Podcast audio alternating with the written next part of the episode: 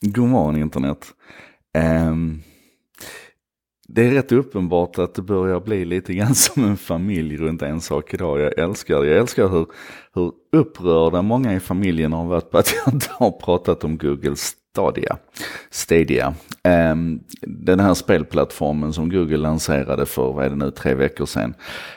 Um, och, och Ibland blir det så, alltså det händer ju så mycket på internetet så att ibland hinner man inte med att prata om allting. Jag hinner i alla fall inte med att prata om allting. Och sen börjar det kännas lite gammalt och sådär. Men det har faktiskt varit relativt sett en liten folkstorm i, i mina inkanaler. Varför, varför, varför säger du ingenting om Stadia? Eh, och det är klart jag ska göra det. För så här, Google har alltså då lanserat en, en online-spelplattform kan man väl kalla det som bygger på att du, det är lite grann som de gamla tunna klienterna, eh, ni vet när vi, på, på stordatorns tid. Att, att all Eh, processorkraften ligger i molnet och där sker allting och sen så skickar du i princip bara bilden över nätet till din dator. Och, och här ska vi säga, här är det ganska maffiga grejer man lovar att man ska skicka. Man pratar om i initialt skede då när den här tjänsten släpps att den ska klara 60 frames per sekund, 4K upplösning, surroundljud, HDR och så vidare. Man har också redan nu gått ut och sagt att 8K 120 frames per sekund kommer senare. Och det här är, det är väl en av de sakerna som folk har studsat över när det gäller den här tjänsten. Att herregud, hur ska, hur ska man kunna leverera den kapaciteten eller den spelupplevelsen? Och för det första så kan vi säga, alltså usecaset är ju helt klart. Att du, du liksom i vilken enhet som helst, om du sitter på en mobiltelefon eller en padda eller en dator eller en stationär dator eller en spelkonsol. Så ska du kunna spela spelet med samma upplevelse. Alltså den, den hårdvaran som du sitter på ska egentligen inte begränsa det som händer. Så allting med, med GPU och, och rendering, det, liksom, det flyttar man till molnet istället. Och har utvecklat speciella chip för det här då som, och, och förmodligen massor med speciell mjukvara som ska möjliggöra det här. Men man kan nog också konstatera att det är tveksamt om det finns kapacitet idag rent generellt för att kunna flytta de här datamängderna som behövs för att det här ska bli en bra spelupplevelse. Och då kommer jag att tänka på en gammal, en gammal investerarpresentation. Den är säkert 15-20 år gammal nu, ehm, 15 i alla fall eh, som Google gav där man sa så här att när vi utvecklar tjänster så bestämmer vi oss för att initially ignore CPU power, storage capacity, bandwidth, screen size, even ignore monetization. Focus on the user and the rest will follow. Och då menar de alltså att utvecklingen hinner ikapp. Den tekniska utvecklingen går så snabbt idag att du kan bygga tjänster och ha dem på plats och sen kan allting annat komma ikapp även om det inte är perfekt från början. Och det där tycker jag är lite spännande. Jag kommer ihåg till exempel när vi kickade igång Aftonbladet.se en gång i tiden. Eh, när mediebranschen blev förälskad i internet första gången från 95 och, och framåt där ett par år. Eh, då var det ju Aftonbladet och alla andra satsade stenhårt på, på internet också. Sen så fick vi den här dotcom-kraschen när, när internet dog. Och det berodde ju naturligtvis på att det var upplåst. Va? Det fanns inte tillräckligt mycket kunder och användare och tillräckligt mycket människor helt enkelt på internet på den tiden runt mitten på 90-talet som kunde liksom motivera de här investeringarna som gjordes och så. Och då valde de flesta mediebolag att backa tillbaka medan Aftonbladet liksom hade sin bild av att ja men det här kommer att funka en dag. Det, liksom, det kommer att komma tillräckligt mycket folk för att det här ska bli bärkraftigt.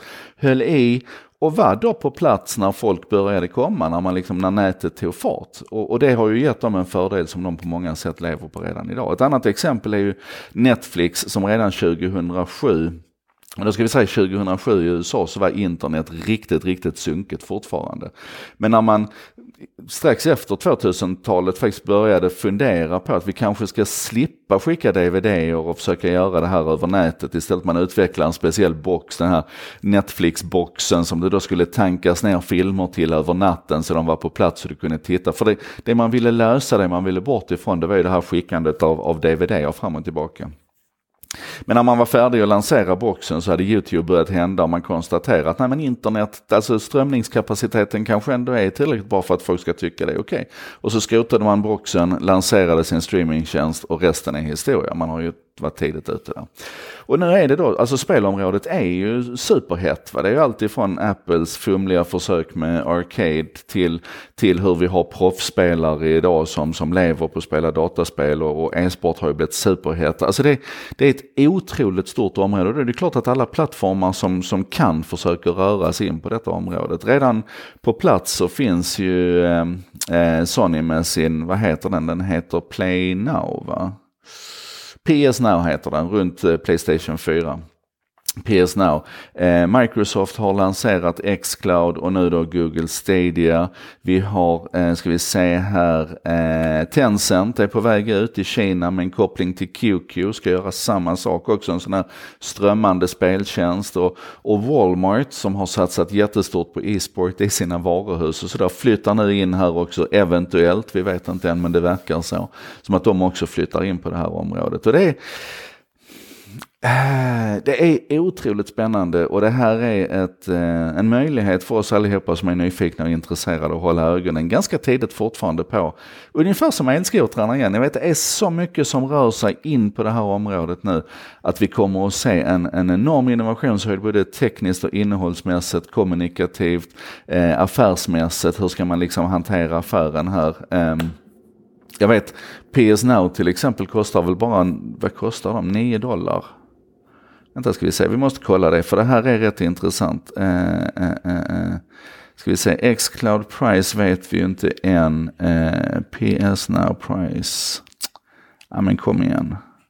Nej, jag hittar det inte nu. Jag hade det i mina anteckningar här. Men det är i alla fall eh, billigare att prenumerera på PS Now än vad det är att, att, att köpa ett spel. Eh, långt mycket billigare naturligtvis.